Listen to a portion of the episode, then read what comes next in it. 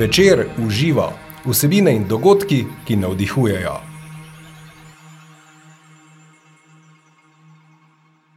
Dobrodošli in dobrodošli v novi epizodi podcasta Večer uživa. Naš tokratni sogovornik bo pojasnil, zakaj je zelo pomembno, da kljub neprijetnim okoliščinam ostajamo funkcionalni in kako to vrstno funkcionalnost dosežemo. Izvedeli boste tudi, kaj pomeni, da smo krojači svojega celostnega počutja in tudi to, kako lahko starši otroku privzgojimo pozitivno miselnost.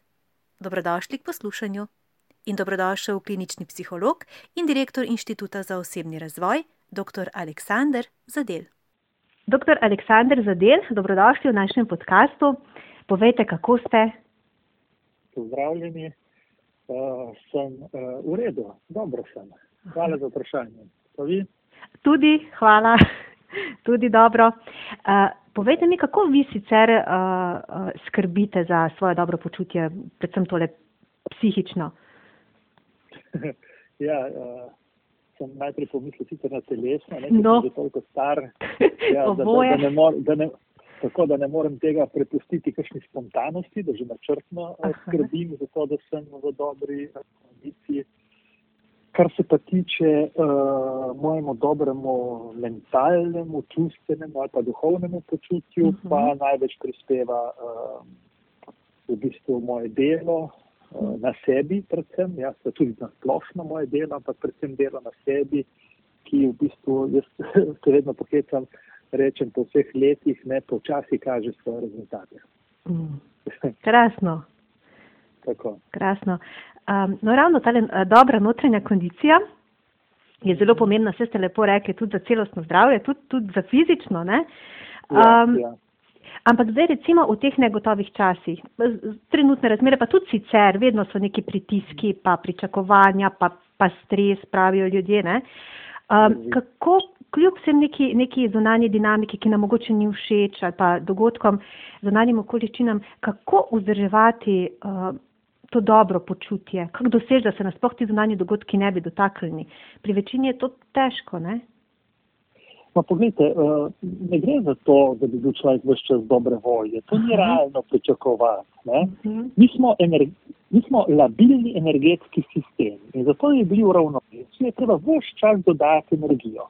Vsakemu je jasno, da ne moramo vdahniti, pol biti en mesec brez uh, kisika, pa da ne moramo enkrat jesti, pa biti uh, dva tedna brez jesti ali pit. V, v, v sistem, da je bilo telo v nekem ravnovesju, je treba vse čas dovajati energijo. Uh mhm. -huh. Enako velja tudi za intelektualno, kot sem prej rekel, čustveno ali pa duhovno plat. Ne? ne moramo mi z dejstvom, da imamo otroke, da smo poročeni, da imamo službo, da smo v tem trenutku zdravi, tej v bistvu pa nahraniti svojo dušo do tolike mere, da ona ne bi bila več lačna eno določeno obdobje. -huh. Torej, zaznavanje nekih neprijetnosti, nezadovoljstva uh, in podobno je seveda popolnoma človeško. Uh mhm. -huh naši neprijetni občutki nas zgolj spomnijo, da je treba dvigniti rit in nekaj narediti, da bi se potem boljše počutili na katerem koli področju življenja. To je ena iluzija, da bi se mi uh, naj ali pa celo morali počutiti vse čas v redu, ali pa biti vse čas srečni in tako naprej, je bolj ena taka potrošniška uh, spirala nerealnih pričakovanj o, te, o tem, kako ne bi izgledalo naše uh, življenje. Uh, no, in to zdaj, zdaj ste dali super istočnico. In je v bistvu ravno ta, uh, kako bi rekla, neka uh, stalna diktatura, ali ne, ne mislim, ne, reka, no, zdaj malo gropi izraz. Je dober, je dober. Premočen. Ja. Te, te neke pozitivne naravnanosti je v bistvu lahko škodljiva, ne, če. Seveda, ker, ker v bistvu potem je zbegani, ne, če se ja. počutijo vse čas tako kot na sliki v Instagramu ali pa ne vem kje. Ne. Zato jaz Jaz vse čas pravim, da, da, da ni zgolj telo, ki mora biti instagramabilno, ampak ljudje uh, so prepričani, da tudi njihova duša mora biti taka. Yeah. Ja. Vse čas v najboljši kondiciji, vse čas zaradi nekega razloga srečni, v nekih presežkih in tako naprej. In ker se veliko ljudi ne prepozna v tej sliki, seveda uh, padejo v razne skrajnosti, od, od, od bom rekel, zelo, zelo, zelo neprijetnih občutkov, depresije, anksioznosti, brez, perspektivnosti, kot po drugi strani v v neke nakupovalne spirale, kjer so mhm. pripričani, da bojo z kopičenjem materialnih dobrin seveda prišli na tisti nivo enega notranjega miru in blagostanja ali pa pač na različne druge načine, ki pač niso lasti. Ne? Če vi ste žejni, vam nič ne pomaga, če imate dva telefona. Ste pač žejni, mhm. rabite vode, tekočino. Ne? Uh, in tega ljudje ne razumejo, ne? da če potrebujejo bližino drugih ljudi in velik avto ne bo rabo, no, mislim, lahko jih pripeljejo v bližino tistih drugih ljudi, ne? ampak to mhm. moraš ti sam narediti tisto, kar je za narediti, ne biti v odnosu prisoten. Ne? Tako da um, včasih se nam zdi, da bi lahko zgolfali svoje občutke s tem, da bi šli malo na kupovalno središče, da bi svojo potrebo po povezanosti z bližnjimi lahko nadomestili z uspehom v poslu ma ne gre. Mhm. Ma ne gre. Ja. Ne gre, ja, lagati laga si ne gre, oziroma pretvarjati se ne gre vsaj za, um, za daljše obdobje, ne? Neki... Tako, tako, nekako, seveda, malo kaj uh, lahko, uh, tudi svoje čutme na zadnje prinesemo na okrog. Uh -huh. uh, samo to so kratkoročne rešitve, ki v bistvu ne, niso hranljive na tak način, da bi nam dale dolgoročni duševni mir. Uh -huh.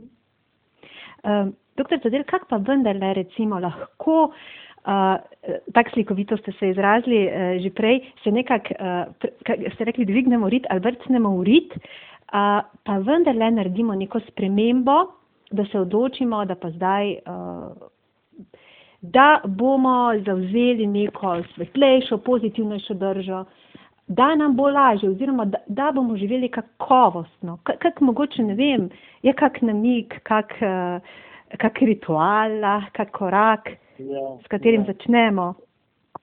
Seveda, eh, ljudje običajno, ko me to vprašajo, mislijo, da bodo dobili še kako kraljevsko pot do dobrega počutja, ne? da bi tako bi spet neki prevarali naravo, občutke in tako naprej. Ja. In na nek eh, hiter, uspešen, učinkovit način prišli do, do enega res uh, dobrega, pozitivnega, izstopajoče, ne vem, navdušujočega vzdušja in mm -hmm. počutja. Euforično. Uh, ja, na začetku vašega vprašanja ste, ste zelo, zelo dobro povzeli. Ne? Moje načelo je dejansko načelo um, premikajoče se riti, kot se temu reče. Uh -huh. uh, v bistvu, ljudje se ne razlikujemo po tem, kaj se nam zgodi v življenju. Ne? Vsak od nas je že utrpel nesrečo, zgubo kakšnega uh -huh. bližnjega, ki smo ga imeli neznansko radi, pomankanje in tako naprej. Ločimo se potem, kaj mi takrat naredimo. Tako nekaj se nam je zgodilo. In seveda v, v, v, v vsem hudem, ko se nam uh, stvari dogajajo, se da lahko obsedimo ne, v kotu in se smilimo sami sebi, ali pa kot jaz rečem, dvignemo rit in živimo naprej. Niti slučajno ni to lahka, preprosta, trivijalna odločitev. Zato nekateri ljudje potrebujejo uh, terapeute, drugi potrebujejo prijatelje, tretji uh, sorodnike, da jim pomagajo. To, to ni nič narobe, to je človeško. Tako. Da si želimo pomoči ali pa prisotnosti drugih ljudi. Ampak brez dela na sebi, brez uh, odločitve, kaj je naš cilj v novih okoliščinah, ob hudi izgubi in tako naprej, se seveda iz tistih čustev dosti težje premaknemo. Ne, čustva bojo hitreje sledila naši namiri, da se počutimo bolje, uh mhm. -huh. če nekaj počnemo, kot če zgolj sedimo in čakamo, da nas tiste čustva minejo. Ja, jaz nisem še nikoli nikomu rekel, da je vsaka stvar za nekaj dobra. Ne moreš ti reči človeku, ki je izgubil otroka, uh, ki se je rešil z partnerjem, ki trpi, da je vsaka stvar za nekaj dobra. To je ena tako, ne vem, ena floskula, zopet potrošniška ali pa new ageovska. Ne? Uh, ne gre za to. Gre za preprosto dejstvo, da tudi takrat, ko je najtežje, lahko izbereš, ali boš v tej bolečini nefunkcionalen, tako pasiven, -hmm. nemočen ali boš kljub tej bolečini seveda nadaljeval svojim življenjem. In seveda ljudje, ki se odločijo, torej ne rešijo svoje težave tisti trenutek, ko se za to odločijo, ne postanejo srečni tisti trenutek, ko se za to odločijo, ampak začnejo okrog sebe graditi nove vezi, nova prijateljstva, nove varovalke, ki preprečujejo, da bi seveda živeli zgolj v tem. Uh mhm. -huh temi bolečine, temi izgube, temi strahu. Ja.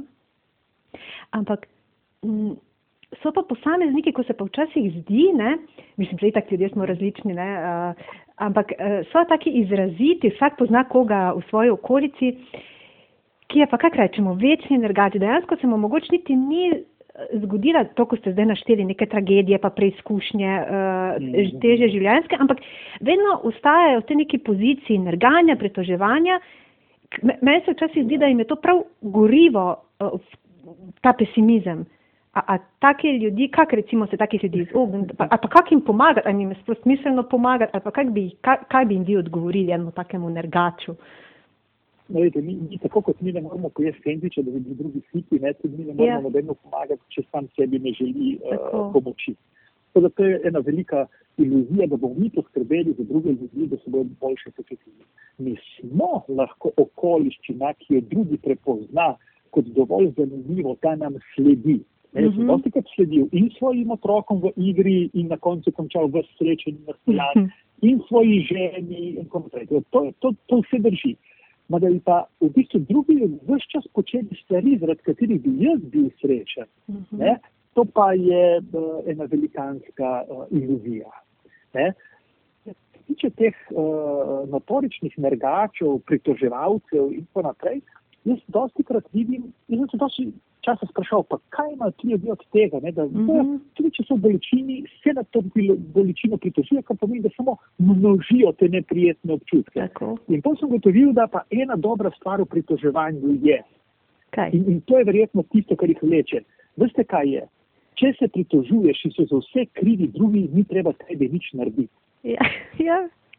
Ja. Ja, torej, če se mora spremeniti žena, če se mora delati, če se mora vlada spremeniti, če se mora virus mutirati v ne, ne, ne vem kakšno obliko, ki ne bo nevarna, ne, potem mi lahko sedimo pa čakamo, da se bo to zgodilo. Ne. In to je največji, največja žalost od te pozicije, ne, mm -hmm. ker daje ljudem na videzen občutek, da se mora nekdo drug spremeniti, da bi jaz bil lahko srečen in zadovoljen. In to je paradoks uh, ustrajanja v pasivnosti ne prinese nič, ne daje nič, te pa reši vsake odgovornosti. Ja. Krivi ja. so drugi za moje trpljenje. Uh, se pravi, doktor Zadev, smo zdaj, če iz tega potegnemo skupaj, smo odgovorni za svoje življenje, za svojo realnost, za svojo srečo. Se, čeprav se še tako obremenjujoče to sliši za marsikoga, ne? lepo ste povedali, vsi bi, pre, večina bi uh, preložila to na koga drugega. Ne? Ja, lepo, mi, Seveda so okoliščine pomembne, ni se eno, če živimo v miru ali vojni, ni se eno, če, ma, če živimo v eni skladni, uh, razumevajoči družini, v enem polnovrednem partnerstvu ali ne. Mm -hmm. To so vse okoliščine, ki izdatno prispevajo k temu, da vsak našega uh, ali pa plot našega uh, počutja bogato obrodi. Seveda ni vse eno, če vrte seme na polje, če ga zalivate, negujete, uh, okopavate, odstranjujete plevel in tako naprej. Bo večja verjetnost, da bo, bom rekel, tisto seme potem se razvilo v eno rastlino, ki bo bogato obrodila. In, in isto velja za naše življenje. Torej, okoliščine so pomembne, niso pa edine, niso pa to mhm. edini dejavnik. Torej, okoliščine so lahko včasih take, da mi na njih nimamo vpliva, da ne moramo vplivati na to, kakšno je vreme, uh, kako virulenten je ta virus. Uh, kakšne odločitve bo sprejela vlada. Uh -huh. Potem, ko mi vemo, kakšne so okoliščine, smo zopet tam, lahko sprejmemo odločitve, ki nas v teh okoliščinah naredijo funkcionalne. Ta beseda je meni zelo, zelo pomembna, funkcionalen. Torej, jaz lahko zelo, zelo trpim, pa potem grem nekaj pojesti, pa grem na sprehod, uh, pa se uh, pravilno hidriram, torej naredim nekaj stvari, ki niso samo umemne, ampak prispevajo k temu, da se vsaj malo boljše počutim. -hmm. To pomeni funkcionalnost tudi v, v težkih trenutkih. Če pa jaz v teh težkih trenutkih dovolim, da ta čustva prevladajo tudi nad mojimi odločitvami, mm -hmm. potem seveda postanem pasiven. In v pasivnosti človek ni funkcionalen. Vse veste, kako nas je strah za naše bližnje, ki ja. ob hudi izgubi, prenehajo jesti, uh, ljudje, ko se jim zgodi nekaj težkega v življenju, nima več volje potem, da bi šli ven iz hiše in tako naprej. Uh mhm. -huh. In nas je res strah za njih, zato ker to nakazuje, da v tistem trenutku nismo funkcionalni.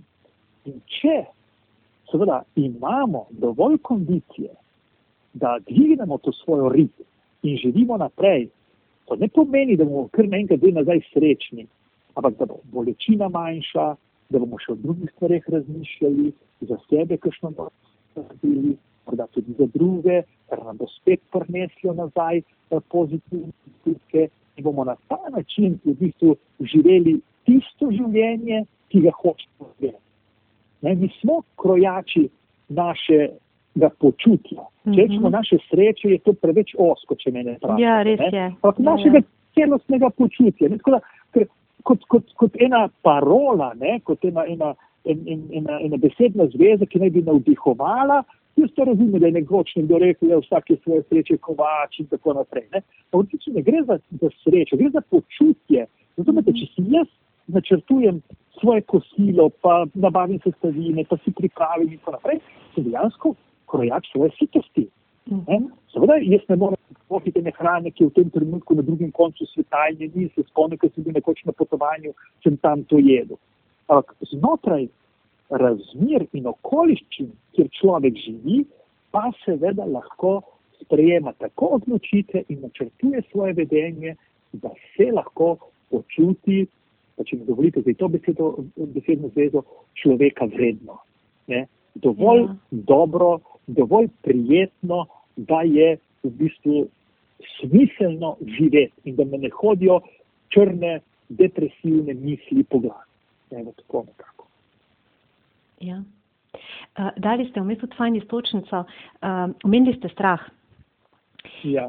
Ampak strah, ko res hromi, ko res zahromi, ko, ko, vse, vse, v kontekstu tega ste rekli, takrat nismo funkcionalni. Kaj takrat, doktor Zadel, ali sami si verjetno, če si ne moramo pomagati, tudi prej ste že omenili, strokovno pomoč poiskati, ne? to naj ljudi ne bo sram oziroma vedno so še neki predsotki glede tega. Kako vi to komentirate oziroma kaj bi svetovali? No, poglejte, mislim, stvari se zelo, zelo spreminjajo na bolje. Ne, Ja. Jaz seveda ne morem reči od prejšnjega petka pa do danes, ampak jaz 30 let delam kot psiholog. Ja. To pomeni, pred 30 leti je še bilo tu in tam, da, da če gre nekdo k psihologu, psihiatru, da, da je zmešan, da je nor, da, da Tako. pa jaz pa ne grem, ker nisem tak. Ne. Ampak v bistvu počasi, ne, že tam res veliko je bilo tudi v 90-ih letih, pa na prelomu tisočletja bilo narejeno za to destigmatizacijo tako duševnih motenj, stisk, eh, kot seveda potem obiskov pri, pri eh, ljudeh, strokovnjakih, ki pomagajo. Eh, dan današnji je največkrat razlog, da se ne odločimo uh, za, za pomoč, to, da v bistvu svojih težav niti ne prepoznamo, jih niti ne uh, opredelimo kot take, ki bi jih bilo dobro zaupati uh, uh, enemu strokovnjaku. Uh, to se mi zdi danes mogoče celo večji razlog, zakaj se nekdo ne oglasi pri, uh, pri uh, strokovnjaku. Ne. Sej bom že sam, sej bom milo. In seveda, Mhm. drugi, drugi zelo pomemben razlog pa je, ker če vi pridete recimo k, k psihologu, ki dela tako kot jaz, seveda vam bo, mislim, v navednicah ne, ne bo vam dal kot učitelj, ampak se bo z vami pogovarjal o domačih nalogah, o spremembah, o aktivnosti. Ne. Delo. In veliko ljudi bi veliko lažje in raje sprejelo eno tableto, Ja, ja. pa bi to spili vsak Ja. dan, pa bi to bilo boljše, um, pa bi bilo pol super. Ne? Tako da v bistvu uh, bi bili presenečeni, koliko ljudi uh, redno uživa, uživa uh, psihofarmake, zato da bi se v svoji koži počutili dovolj dobro, da bi svoje življenje seveda potem lahko uh, normalno, funkcionalno živeli. Te številke so res uh, velike. To, so pa, to je pa kar srhljivo, ne? Mislim, Ja, ja, približno tretjina ljudi, ne, to pomeni uh, krepko čez 30 odstotkov ljudi uh, tekom svojega življenja uh, eno obdobje uporablja psihofarmake, kar se mi zdi, da, je, da, da ima prav uh, epidemiološke razsežnosti. pa to opažate, mislim, to, ta statistika, kak velja po, um, uh, zdaj uh, v sodobnem, mislim, v, v zadnjih letih je, je to pogosteje, ali ste to opazovali že prej, vi zdaj imate, kot ste rekli, 30 let, že ima, je v bistvu vaša karijera, va, vaša praksa, ne? A, a opažate zdaj v zadnjem obdobju uh, še porast tega odstotka ali, ali se to skozi tak neki giblje? Glede na tempo življenja, bi rekla, ali pa nekih okoliščin, ki so zdaj ja, drugačne ja. kot. Uh, v bistvu je uh, tako. V zahodnem svetu so te številke seveda alarmantne že, ja. že desetletja. Ja. Um, pri nas se pa seveda kombinacija teh zdravil uh, seveda povečuje. Um, uporabe teh zdravil povečuje. Zdaj tako, uh, zanimivo, zanimiv podatek, meni osebno zanimiv podatek je seveda sledeč. Ne? Uh, odkar v bistvu so uh, splošni zdravniki še posebej pozorni na simptome depresije, to je en, en velik projekt Nacionalnega inštituta za javno zdravje. Uh -huh. um, in dejansko pri praktično vsakem obisku človeka pri njih postavijo tiste preproste vprašanja iz, iz, iz, tistega nabora uh, desetih uh, vprašanj, da preverijo, uh, ali je morda pri posamezniku prisotna depresija in če v bistvu je na določeno število teh vprašanj odgovor seveda pritrdilen, potem seveda naredijo uh, bolj natančno uh, analizo smo seveda uspeli zmanjšati recimo uh, samomorilnost v Sloveniji. Mm -hmm. To je fantastičen rezultat. Super, to je ja. super rezultat. Ma po drugi strani seveda pa ogromno ljudi ravno zaradi tega tudi strani splošnih zdravnikov seveda sprejme psihofarmak, da mu je lažje. Ja, ja. Vse v redu. Jaz to mm -hmm. ni moja kritika tega sistema. Ampak tisto, kar potem se pa zgodi, je pa to, da v bistvu ljudje v bistvu začnejo jemati psihofarmake, seveda tudi za minorne težave, tudi za težave, ki ne bi pripeljali do, do tako tragičnih posledic, kot je samo morilno vedenje, ampak v bistvu postane to neke vrsta psihološka birgla ljudem. In ja. potem jemljajo ja. uh, zdravila za popravljanje svojega razpoloženja, za spanje in tako naprej, leta in leta. Mhm. In to si pa upam reči kot specialist klinične psihologije, popolnoma brez potrebe. Ker je lažje, ne? Tega, bravo, ker je lažje. Ker v bistvu jaz vidim, da ljudi, ki se hočejo uh, uh, postaviti na noge, ne, ki so pripravljeni uh, delati na sebi, seveda so obdobja, ko potrebujejo zdravila, relativno kratka. Ne, in v bistvu uh, jih lahko za svojo, svojim načinom življenja spremembo miselnosti, načina vplivanja na svoje počutje, uh, glede urejanja medosebnih odnosov, odnosov do sebe, do bližnjih, uh, delodajalcev in tako naprej, seveda lahko postorijo. In to je, to je ključni poudarek, ne, da, da zdravila morda niso nič narobe v obdobjih akutnih kriz. Ja. Ne, ampak pri, pri, pri uh, primerih in situacijah, ko potem po takih akutnih krizah ljudje začnejo dolgoročno jemati uh, zdravila, se pa potem um, v bistvu pogosto uh, pretvorijo v svoje nasprotje in v resnici uh, zmanjšujejo kakovost življenja ljudi. Ja, hvala za tole res. Um, doktor Aleksandr, zadev, dajte, tek, um, uh, uh, tako lepo ste prej tudi omenili, tak, ta prispodoba semen, ne da si jih zasejemo uh, za neko, bom rekla, neko tako um, pozitivno ali pa tako dobro uh, delovanje, uh, sprejemanje življenja, soočanje z izzivi, eno tako svetlo življenjsko držo. Um, je zelo fajn, ne, da to že nekako v otroke zasejemo ali zasadimo. Vi ste oče, koliko štirih otrok, ne? Štirih, ja. Štirih. Uh, pa povejte, kaj je lahko tista dota v tem smislu odnosa do življenja, ki jo lahko starš otroku da, pa kako je vam to uspelo, na kaj ste posebej ponosni? Huh. Bom začel od konca. Ja. Uh, prav ti hudo ponosen, uh, to čustvo ni, bom rekel, pri meni, nima kakšne hude domovinske pravice. Uh, ponosen ljudi, ne vem, je tako neke vrste pretiravanje. Nisem zelo zadovoljen, ko vidim, da so otroci zdravi, da živijo svoje življenje, uh -huh. uh, znajo sprejemati odgovorne odločitve in to me pomirja, me radosti, veseli in to je to.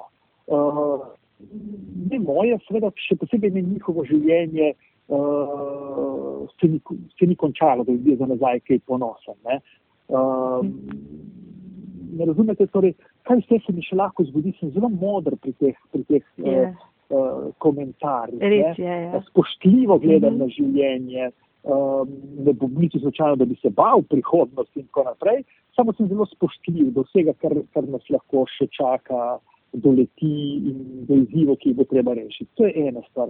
Mhm. Druga stvar, ki pa je uh, seveda zelo pomembna, tudi kot vprašanje, ne, in to je, seveda, kaj, kaj lahko starš naredi zaradi tega, da bi uh, prizvojil neke vrste pozitivno miselnost. Uh, Um, sami starši vejo, da se otroci rodijo eni bolj, eni manj optimistični, eni vidijo življenje kot čisto igrišče, drugi kot dolino sous in trpljenja. Uh, ampak tisto, kar lahko starši naredimo, je to, da otroka uh, redno, že prva stvar, recimo, da ga opozarjamo na uspešnost njegovih odločitev. Torej, bolj, ko bo otrok dobival pozitivne povratne informacije, uh, o, o, o, o stvarih, pri katerih je on dejansko uspešen. To ne pomeni vse splošnega hvaljenja, ti si najboljši, Tako. ti si najbolj inteligenten. To, to je neumnost, to, to je uh mhm. -huh. katastrofa, čista, uh -huh. uh, ker otroci ne razvijajo pravilno samo, samo podobe. Ampak da znamo otroka upozoriti, da ta dan je bil lep, še posebej zato, ker si je sam odločil, da bo iz deski zbil neko igračo in potem so se igrali z njo. Ne? To pomeni, ti si bil tisti, ki si kreiral v tem, da vidiš lahko tudi dolgočasnem dnevu eno aktivnost, ki je pripeljala do, do, do zabave, dobrega počutja in tako naprej. Ne? Uh, le kako se dobro počuti, le ki si mi pomagal uh, kosilo skuhati. To, te afirmacije, ki povežejo seveda otrokovo zavedanje med lastno aktivnostjo in dobrim počutjem. Uh, predvsem to je, to je en sklop, drugi sklop je pa vezan na to, ne, da v bistvu, ko pa pridejo težave, ne, da jih ne zanikamo. Ja, me je strah testa v šoli, ja, uh mhm. -huh. sem negotov pri tem in onem. Ne, in da se potem v bistvu z otroki pogovarjamo seveda kot z zrelimi, odgovornimi ljudmi in jih vključimo v odločitve. Ne, ti naredi, kar si ti jaz rekel, veš, ko sem jaz bil toliko star, sem to naredil, verjemi, no, to je. Ne, tebi ponavljati mojih napak. Uh -huh. to, so, mhm. to so katastrofalne spet napake, ne? torej vključiti otroka v odločanje, mu dovoliti, da se sam odloči, da tudi če naredi napako, naj jo naredi, vsi smo mi zdraven, če bo šlo za nohte. Ne more se otrok naučiti voziti bicikla, če starš pred njegovimi očmi cel dan vozi kolo po dvorišču. Otrok se niti za en milimeter ne bo naučil voziti bicikla na ta način. Ja. Ker malo podcenjujemo mi te naše otroke, ne? Mislim, ja, tako nezreli ja, smo, ali večinoma, mislim, v teh vzgojnih, kako bi rekel, ne ukrepih, ampak pri. Ja. Meni je bilo fascinantno, sem dal pred časom, recimo v svojem ustinu, sem dal eno nalogo. Yeah. Uh, vozil se je s kolesom brez čelade in potem uh, sem um, uh, seveda prepovedal, da se vozi z kolesom, ker sem rekel, da ne zaupam njegovi besedi. Uh mhm. -huh. In je rekel, joj, kako. Oko, si zdaj bom vozil, jaz se ne znam, moraš voziti bicikle, ker pač se vozi brez čelade. Ja, ne, si zdaj se bom. In seveda tukaj večina staršev seveda popusti, ne, če ok, pa maklej, da boš res. Ja. Jaz sem mu seveda rekel, ne, da mu pač ne zaupam. Ne? In potem je prišel k meni in je rekel, uh, a ti, ampak kako bom pa jaz dobil tvoje zaupanje, če mi ne dovoliš voziti bicikla? Tako, e, to je pravo vprašanje, zdaj pa ti potuhtaj, pa pridi z odgovorom. In seveda, žena je gledala malo, kako pismo, še jaz ne vem, kako naj to naredi. Tako nismo ga mu prepustili, bo prišel, bo prišel vprašati, če ne bo vedel. E, in je rabo dva dni, čez dva dni je prišel in je rekel, mi je vse jasno, veš. Samo kaj ti je jasno, sine? Rekel, lej, če bom jaz rekel, da bom v petih doma in če bom res prišel, boš videl, da moja beseda drži. Če bom jaz rekel, da bom pospravil izpolnjevalnega stroja in bom tudi res, to so vse stvari, ki jih počne ali pa ne počne. Ne? Ja. Ne, in rekel, in če, če bom jaz res rekel, da bom pospravil, boš ti videl, da sem pospravil, ne, ker ti bom jaz opozoril, da sem pospravil in boš počasi začel zaupati, uh, da lahko vozim tudi kolo, ker bom imel pol čelado na glavi. Rekel, točno tako. Rekel, kdaj pa uh, mi boš začel ponovno zaupati, se rekel, ti bom takoj povedal, ko ti bom ponovno zaupal. Ker sem mu že zaupal, samo mu nisem dal takoj, ker sem hočel, da se nauči. In, in naš sin takrat vozi uh, bicikl z čelado in tudi kot sliši, ko mi povejo, da recimo, imamo sorodnike, prijatelje pa tako naprej. Reče, v smo videli otroci, ki so se vozili po Markovcu, tvoje imel čelado. Super. To je to to je mu pustiti, gledajte, dva dni on vseh to za unibicikl, pa kdaj uh -huh. se mu šel lahko voziti. in na koncu je prišel do rešitve sam. Tako. In to drži po moje za celo življenje. Ne? To je tisto, kar je bogatstvo, ko sam otrok pride do ene odločitve. Ja. To je zdaj po notranju. Tako. Lahko tudi bo kdaj brez čelade, bo to njegova odločitev. Ja, Jaz kot starš sem naredil vse, kar sem lahko, zato da je on osvojil eno poglavje odgovornosti. Tako. In tudi zato, ker ste bili vi ustrajni in vi, vi ste pri tem ustrajali, kaj marsikdo pa bi na hitro, ne, č, č, se ti otrok malce smili, o ti bogi, bogi, ali pa bi zelo hiter, ali se veste, zdaj vsi sebi radi na Tako. hitro, ne, vzgajali tudi instant Tako. in na hitro. Krasno. Tako. Joj, tole, to je tako navdihujoče, res.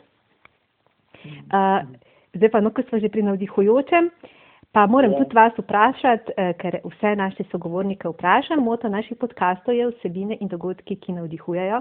Se zdaj ste že vi ogromno navdihujočih misli, mislim, razmisle nanizali, pa tudi to ste že malo menili, kaj, kaj, kaj vas v bistvu um, vzdržuje v dobri psihofizični kondiciji, pa vseeno zaključek, da sklenemo, kaj dr. Aleksandr Zadel vas v življenju navdihuje. Uh, v bistvu me, me navdihuje skrivnostnost življenja. Ne, sem eno tako neverjetno učljivo bitje in sem Mhm. uh, navdušen nad tem, nad, svojim čudenjem, uh, odnosu z ženo, odnosu z otroki. Uh, čudim se njihovemu vsakdanjemu odraščanju, kakšne orehe trejo. Um, te stvari me, me, mene delajo živega. Um, čudenje, kako je vse lepo, tudi ko je težko, tudi ko je težavno, uh, se, se, se pojavljajo v teh najtežjih obdobjih življenja določene iskrice, ki mi dajo duševni mir, um, tudi tisto zdravo upanje, uh, da ne glede na to, kako se končajo stvari, uh, je bilo lepo za nazaj, če se ozrem, zdaj je marsikaj lepega in verjamem, da nas tudi čaka v življenju veliko lepega. Nima pa strah niti sekunde, uh, če je treba včasih kaj potrpeti. Več informacij o podcastih Večer v živo in tudi o dogodkih Večer v živo najdete na spletnem naslovu www.vcer.com poševnica v živo in na Facebook strani Večer v živo. Tudi tokrat sem bila z vami Maja Furman, srčno in srečno, dok malu.